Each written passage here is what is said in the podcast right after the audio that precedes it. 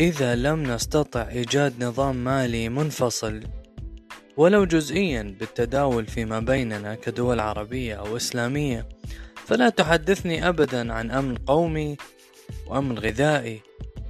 إحنا اليوم في أي وقت ممكن يصير علينا عقوبات؟ أنت اليوم مهدد بحرب عملات؟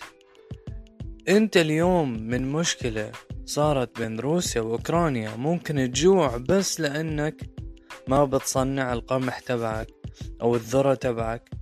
أنت شخص مستورد لذلك مثل ما بحكي مالك بن نبي إن الاستعمار ليس مجرد عارض بل هو نتيجة حتمية لانحطاطنا.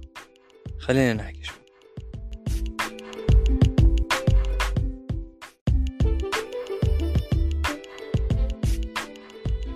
أنا محمد صباح وهذا بودكاست نحكي شوي. أحاول البحث عن موضوعات مهمة وتحتاج أجوبة غير معهودة صريحة جريئة وأحيانا مزعجة. كل المعلومات المذكورة بالبودكاست هي نتيجة جهد يحتمل الصواب والخطأ وما بتغنيك أبدا أنه تبحث أكثر.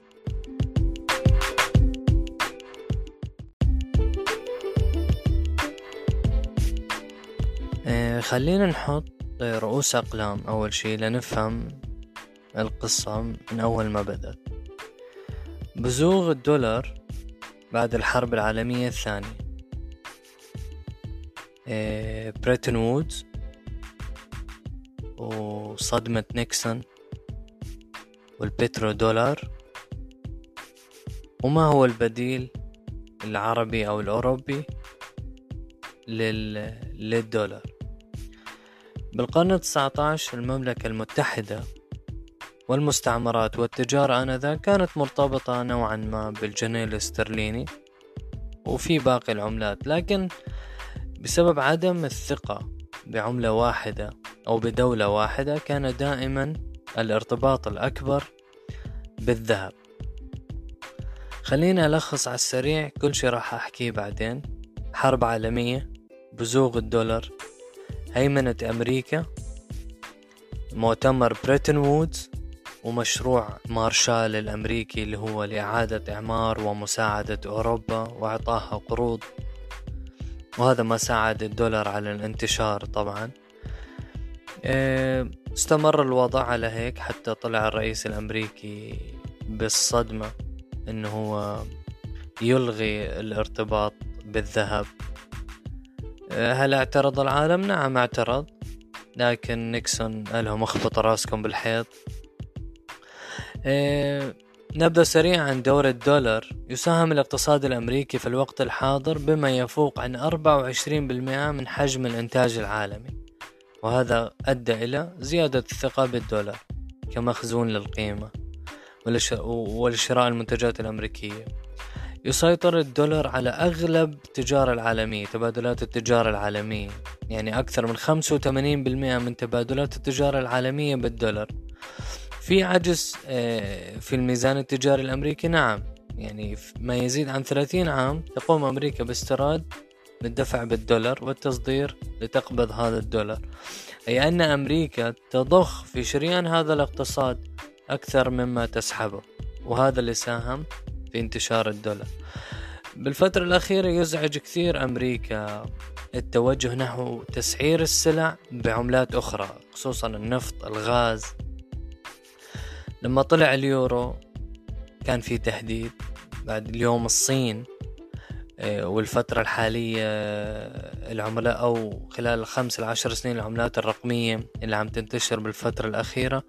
وأخيرا وليس آخرا العملة الروسية وإعلان بوتين أن الروبل هو عملة لبيع الغاز الروسي اللي يعتبر ضربة لهذا الدولار.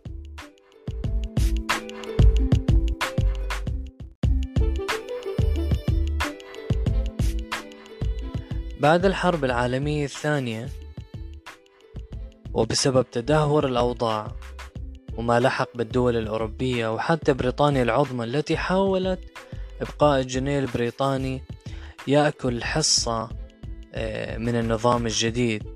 إلى أن أمريكا والتي خرجت أفضل حالا كما تعلمون فرضت سيطرتها على المؤتمر اللي هو مؤتمر بريتن وودز. بريتن وودز باختصار اسم شائع لمؤتمر النقد الدولي انعقد 1944 في أمريكا.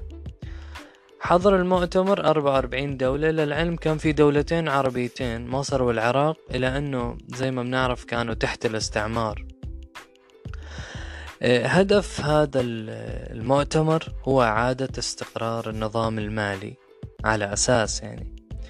وأنشأ الوحشين اللي هو صندوق النقد الدولي والبنك الدولي. عندي بودكاست قبل بحكي عن خطورة صندوق النقد الدولي بمجرد ما يتدخل أو يشم ريحة إنه في دولة محتاجة. آه انتهى بريتون وودز باتفاقية ربط الدولار. كل أونصة تساوي خمسة وثلاثين دولار. تمام. بين قوسين هدف المؤتمر بتقدر تحكي باختصار إنه أمريكا استغلت الأوضاع ما بعد الحرب العالمية لإنشاء نظام تترأسه اقتصاديا. طيب ليش اليوم الدول الأوروبية القوية زي فرنسا أو بريطانيا يقبلوا؟ لا يوجد خيار لهاي الدول اللي طالعة من من حرب مدمرة اقتصاديا مدمر البنى التحتية مدمرة إلا أن يقبلوا. وطبعا كان هناك قروض لإعادة الإعمار. الاتحاد السوفيتي هو الدولة الوحيدة اللي رفضت لأنه النظام السوفيتي زي ما بنعرف يعتمد على عملة الروبل واللي كانت تستعمل آه، أغلب الدول اللي تحت الاتحاد السوفيتي أو الدول الاشتراكية آنذاك. حاولت أمريكا إعطاها قروض مغرية لكنها رفضت. فرنسا ما كانت كثير راضية طبعا لكن ما باليد حيلة. دولة مدمرة اقتصاديا وكان هناك الوعد اللي اللي انقطعته أمريكا لهاي الدول بربط العملة زي ما حكينا بالذهب. بريطانيا فينا نحكي سلمت قيادة هذا العالم بكل أدب واحترام. هل شكت أوروبا بعد ما وافقت إنه أمريكا ما التزمت بهذا الاتفاق؟ أمريكا دخلت حروب بفيتنام. أمريكا بتطبع دولارات؟ هل شكت نعم. آه، الرئيس الفرنسي ديغول طلب بتحويل آه، كل الدولارات. طبعا بعد ما ما زار وفد أوروبي لأمريكا وتأكدوا من هذا الموضوع آه، طلب بتحويل كل الدولارات المخزنة بالبنك المركزي الفرنسي إلى ذهب على حسب اتفاق بريتن وودز. صار ما يسمى بصدمة نيكسون Nixon shock الرئيس الأمريكي. وهو رد عليهم باختصار. لما أجى الوفد الأوروبي وكان في اجتماع مع خزينة إيه، مدير خزينة الدولة أو المسؤول في خزينة الدولة هناك رد عليهم باختصار أنه الدولار هي عملتنا.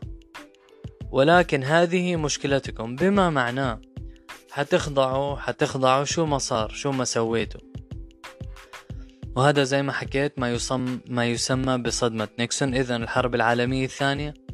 بريتن وود وصدمة نيكسون. شو اللي بخلي بعد كل هاي الأحداث إنه يستمر الدولار بهاي القوة؟ يعني يرضخوا هاي الدول الأوروبية وما يحاولوا يلاقوا حلول. لا أكيد حاولوا يلاقوا حلول. وأمريكا كمان لاقت أساليب ثانية لتجبر هاي الدول. نبدأ بألمانيا. ألمانيا آه اقتصاد قوي عملة قوية تحسنت طبعا بعد هالفترة بالسبعينات. كانت تملك آه العملة اللي هي الداتش مارك داتش مارك عملة قوية على عكس فرنسا. اللي ما بعد صدمة نيكسون فرنك الفرنك الفرنسي كان دائما عرضة للمضاربات فكانت تقوم الحكومة برفع الفائدة لحماية هاي العملة. يعني اقتصاديا فرنسا إيه، ضعيف مقارنة بالنموذج الألماني اللي هو الدوتش مارك أما عسكريا فهي قوية. شو عملة فرنسا؟ صاحبة القوة العسكرية والضعف الاقتصادي. بعد القلق الفرنسي صار شبه اتفاق مع الدول الأوروبية. ما يسمى الثعبان النقدي أنه كل العملات الأوروبية تتغير على شكل ثعبان. يعني إيه، صار نظام نقدي أوروبي. بعدين طبعا تحول إلى الاتحاد اللي صار عليه اليوم أنه كل عملة تحتفظ بقيمتها لكن بمجرد ارتفاع أي عملة. يعني صار مضاربات على الفرنك, الفرنك الفرنسي فضعف. وجب على كل الدول إنه تدعم هاي العملة. يعني كل عملة تحتفظ بقيمتها لكن بمجرد ارتفاع أي عملة مثلا داتش الألماني ارتفع بنسبة 2.5% لازم الكل يدافع عن الفرنك الفرنسي بما فيها ألمانيا اللي عملتها قويت أو ارتفعت. شو بنفهم من هذا الاتفاق؟ بفرجينا أنه المنافسة كانت دائما حتى داخل البيت الأوروبي. وحتى إن كان اتحاد فهو عبارة عن مصالح مشتركة فقط. وتجنبا لصدمات أخرى كما حدث عام 71 بقبول الغرب أوامر أمريكا وصدمة نيكسون أو قبول الأمر الواقع. اضطروا يعملوا هاي هذا النماذج أو هذا النظام النقدي. نروح لنشوف أمريكا شو عملت بهذا الوقت. مصطلح البترو دولار أغلبكم سمعوا بترو دولار في عام 1974 وبعد فترة قصيرة من أزمة النفط العالمية توصلت الحكومة السعودية لاتفاق مع إدارة الرئيس نيكسون صاحب الصدمة لتسعير كافة صادرات السعودية النفطية بالدولار.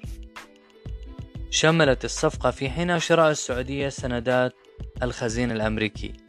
وبسبب ثقل هذه الخطوة صارت كثير من الدول على إثر السعودية وأصبح العالم يسعر البترول بالدولار. يعني أمريكا بذكاء رؤسائها آنذاك حاولت تسعر كل المواد الأولية اللي بيحتاجوها أغلب الدول بالدولار عن طريق الذهاب لدولة عظيمة أو كبيرة زي السعودية صاحبة مخزونات الأكبر وتسعير النفط بالدولار.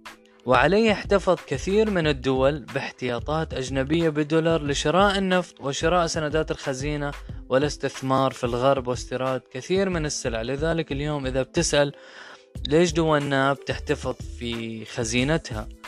الدولار لأنه هو العملة اللي إحنا بنحتاج نشتري فيه قمح ونفط وهذا هو السائد اليوم إن شاء الله عم بصير تغيير. نرجع للموضوع. يقول رفيق لاتا أن تسعير وبيع النفط بالدولار حول العالم أسهم في خلق الاقتصاد العالمي اللي بنشوفه اليوم. يضيف أن اقتصاد البترودولار يعد أمرا أساسيا في صناعة القوة الأمريكية. هيك شفنا شو أمريكا شو الخطوات اللي أمريكا أخذتها لتحافظ على قوة الدولار أو لتقويه أكثر وتحاول تحميه من أي تحركات أوروبية آه، لمحاولة عمل نظام جديد أو عملة جديدة.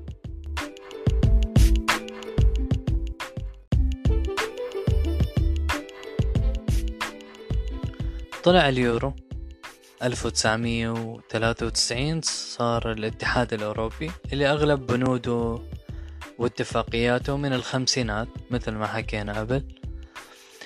آه، ليش اليورو ما قلب الطاولة على الدولار. ليش ما صرنا نشوف تداولات أو تسعيرات المواد الأولية زي النفط الغاز بتروكيماويات والقمح؟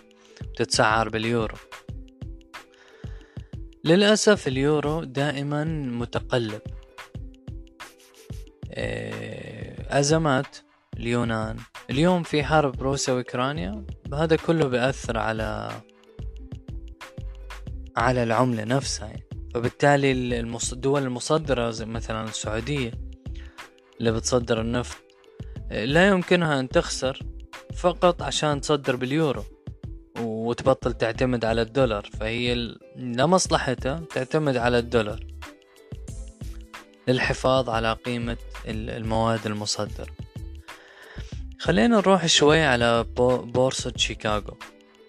بورصة للمضاربات بورصة المضاربات المواد الأولية ذهب نفط سكر حتى مي. العقود الآجلة الفيوتشر اشتري النفط اليوم وبيعه بعد شهرين وشهر إذا ارتفع بتربح وإذا انخفض بتخسر. وهذه المضاربات فعليا هي أدوات رأسمالية ما لها أي علاقة لا بالعرض ولا بالطلب ولا بالاستهلاك إلى أنها بتأثر على الأسعار. ليش أنا جبت بورصة شيكاغو؟ بس عشان أفرجيك إنه في أكثر من من من شي بأثر على هذا الدولار. أمريكا عندها قوة لتحافظ على الدولار من الحرب العالمية لحد اليوم بهاي الأدوات يعني. القوة العسكرية بالبورصات بالسمعة. خليني أذكر لك آه، صورة ثانية كيف الدولار أو أمريكا حافظت على هاي العملة وليش ظلت قوية لهذا اليوم. مثال الاتفاق النووي الإيراني لما طلع ترامب منه في شركة أجنبية عندها مشاريع نفطية وهي توتال. لما طلعت أمريكا من الاتفاق أوروبا ما كانت بدها تطلع. أوروبا عندها كثير مصالح في السوق الإيراني. توتال كان عندها عقد زي ما بتذكر أو قرأت بأربعة مليار في السوق الإيراني. شو عمل ترامب؟ ترامب هدد الشركة أو الشركات اللي ما عجبها القرار بالخروج من أو الانسحاب من الاتفاق النووي إنه سيغلق السوق الأمريكية أمامهم. فهي صورة ثانية للنفوذ الأمريكي. السوق الأمريكي سوق كبير بتحكي عن 340 مليون إنسان الاستهلاكية طاغية على هذا المجتمع. فبالتالي أنت لما تصير المقارنة بين, بين إيران أو أمريكا طبعا حتنسحب. بالإضافة غرامات بحط عليك غرامات بما إنه الدولار هو العملة الحاكمة بحط عليك غرامات تدفعها لأمريكا إذا خرقت هاي القوانين أو إذا استرجيت تعمل تداولات مع الدولة غير مرغوب فيها بالعملة تبعتنا اللي هي الدولار. وفي كثير أمثلة وغرامات تتراوح بين 8 مليار 10 مليار وأكثر من هيك. طيب الدول الأوروبية رضيوا الصين ليش إيه بترضى؟ اليوان إيه، في فرق في عملتين عنا قابلة للتحويل اللي هي بصير عليها مضاربات واللي هي أمريكا دائما بتدفع الدول إنه تخلي عملتها قابلة للتحويل. اليوان الصيني عملة غير قابلة للتحويل أي أنها لا تتعرض للمضاربات ويتم تحديد سعر صرف العملة من السلطة الصينية نفسها. تمام؟ إيه شو الصين بتعمل؟ أو كيف تتخلص من هاي السيطرة؟ بتحاول التنويع. يعني مثلا في اتفاق الأخير بين الصين وروسيا هو عبارة عن 400 مليار دولار. مش بالدولار حيكون بالعملة الروبل الروسي واليوان الصيني. تستعمل عملات هاي البلدين آه، بالتداول فيما بينها بالغاز بالنفط بأي شيء. هذا بضع بضاعف من سيطرة الدولار. بس إحنا بنحكي عن دولتين. شو الصين بتعمل كمان؟ في منظمة اسمها شنغهاي للتعاون. منظمة دولية سياسية واقتصادية وأمنية أوراسية تأسست في 2001 آه، كانت أول شي ستة دول الصين كازاخستان قرغيزستان روسيا أوزباكستان. بعدين دخلوا فيها دول كثير آه، زي إيران. في دول طبعا ضيوف في دول فيك تقرأ عنها بويكيبيديا. الفكرة إنه الصين دائما ما بتحاول تنوع آه تنوع التداول بعملتها. المخزونات اللي عندها بتقلل الدولار مثلا بالفترة الأخيرة. ارتفعت الاحتياطات بعملة اليورو أكثر من قبل روسيا بتعمل نفس الشيء. روسيا اليوم قللت المخزونات من الدولار. ما زال هو الأول إلى أنه زادت المخزونات من اليورو والذهب. هذا شو بعكس لنا آه، بالعالم العربي شو ممكن نستفيد اليوم؟ يعني العقوبات على روسيا اليوم فرجتنا كيف إنه ما في حدا أكبر من العقوبات الأمريكية. إذا أنت اليوم صديق أو حليف فبكرة أنت عدو. زي ما حكيت في المقدمه في كثير أشياء بتخلينا نخاف. حرب عملات عقوبات على شركتنا عقوبات عقوبات على صناعتنا على استيرادنا. خلينا نروح على العقاب على روسيا بعدين نعرف شو النظام أو شو التقنية اللي الدول العربية بتستخدمها وارتباط عملاتنا بالدولار. بداية الإعلام دائما ما يتبع سرديات كاذبة لدعم التوجه السياسي. يعني قيل أن روسيا أخرجت من النظام النقدي سويفت. الكل متذكر كيف صارت ضجة على الموضوع. لكن فعليا البنوك ذات التعاملات المسؤولة عن تداولات النفط لم تمس. ما حدا قدر يعني يمسكها. ومؤخرا تم الاعتراف بهذا الموضوع. يعني آخر شيء اعترف الرئيس I think فرنسا إنه البنوك الروسية المسؤولة عن التداولات النفط أو الغاز ما لم تمس وما صار عليها عقوبات. يعني القمح الغاز النفط مقسام من هذه العقوبات. لأن النظام الاقتصادي لهذه القرية الصغيرة اللي ما تسمى بالعالم اليوم. إذا عوقبت دولة زي روسيا تتأثر دولة في أوروبا مثل ألمانيا. وكنا بنعرف أنه درجة الحرارة اليوم أقل بكثير البرودة إيه، شح الموارد الأولية في أوروبا. اللي زي ما حكيت تعيش حالة من البرد. إيه كمان الخوف من ارتفاع الأسعار. يعني أمريكا المتمثلة سياستها الليبرالية بذراعها الرأسمالي زي ما بحكي دائما قرارات بتحاول ما يكون تأثيرها اقتصادي لأن اليوم لو صارت العقوبات على هاي البنوك الروسية المسؤولة عن النفط أقل شيء يصير برميل النفط ما فوق ال 200 دولار وربما أكثر من هيك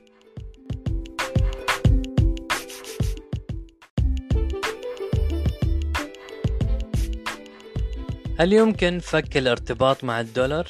خلينا نعرف شو التقنية اللي بتستخدمها دولنا العربية تقنية بيك وهي باختصار ربط مباشر للعملة مع الدولار وهذا خطأ كبير حسب الكثير من الاقتصاديين. مثلا الدولار يصعد ويهبط حسب تقلبات السوق عرض طلب. وحسب السياسة النقدية للولايات المتحدة الأمريكية والبنك الفيدرالي. وزي ما حكيت في البودكاست اللي قبل وحسب أقوى موظف في هذا العالم وهو مدير البنك الفيدرالي اللي بقرر بيوم رفع الفائدة أو تنزيل الفائدة. طبعا حسب معطيات وجهة نظره.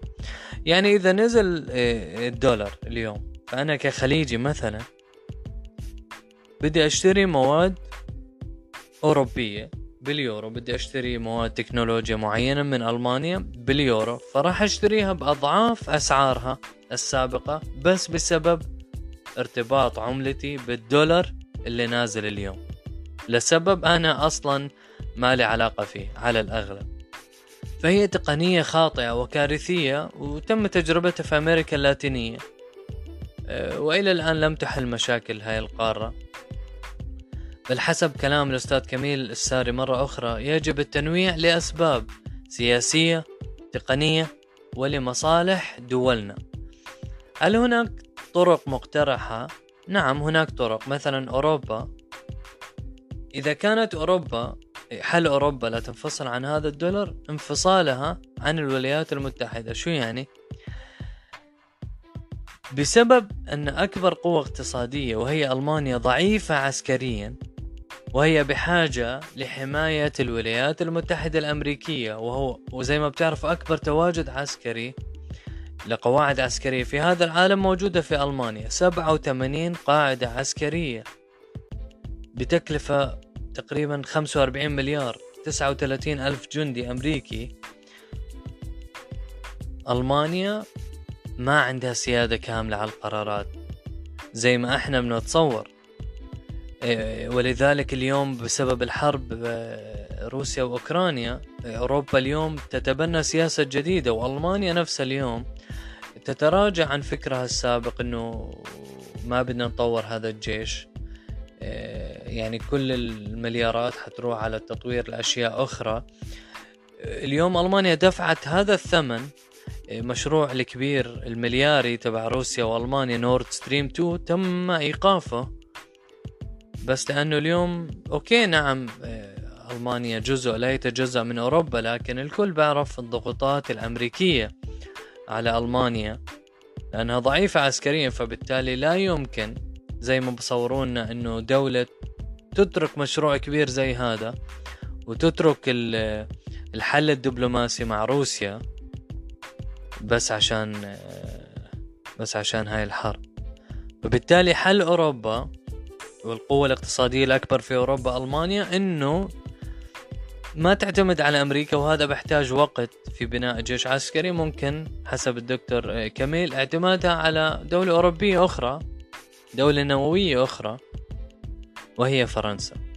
طبعا بعد الحرب العالمية ألمانيا بسبب عقوبات ما فيها تنتج قنبلة ذرية أو نووية فيمكن بقوتها الاقتصادية وتعاونها مع القوة العسكرية الأوروبية فرنسا. أنه يصير عندهم سيادة ويصير فصل آه، أو إيجاد آه، مركز أقوى لليورو.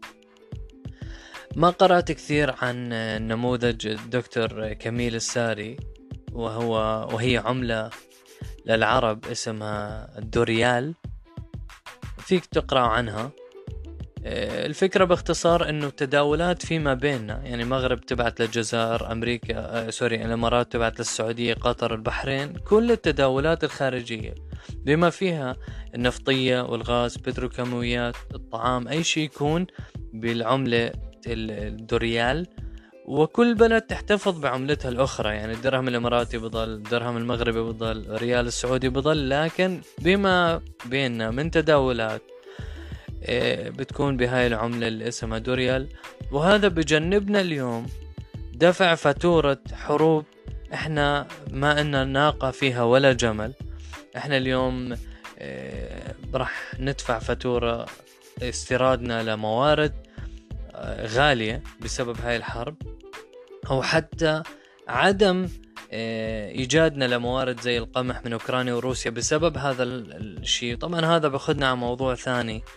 الأمن الغذائي وإنه إحنا لازم نزرع بنفسنا. وطبعا لسان المثقفين والساسة المحترمين طلع لسانهم شعر أكيد ليحكوا هذا الكلام. المهم هذا خلاصة بحثي بهذا الموضوع. في كتير قنوات على اليوتيوب حكوا بشكل مفصل. أنا ارتحت في هذا السرد. هذا سرد أقرب لعقلي لفهمي. وبتصور حاولت أبسطه قدر الإمكان. نحاول نكون متفائلين بالأيام الجاية. أه نحاول أه نكون متفائلين بصعود دول جديدة دول ناشئة. أه عشان ما يكون في قطب واحد في هذا العالم وهذا اشي إيجابي إن كدول تعبانة والله المستعان. سلام.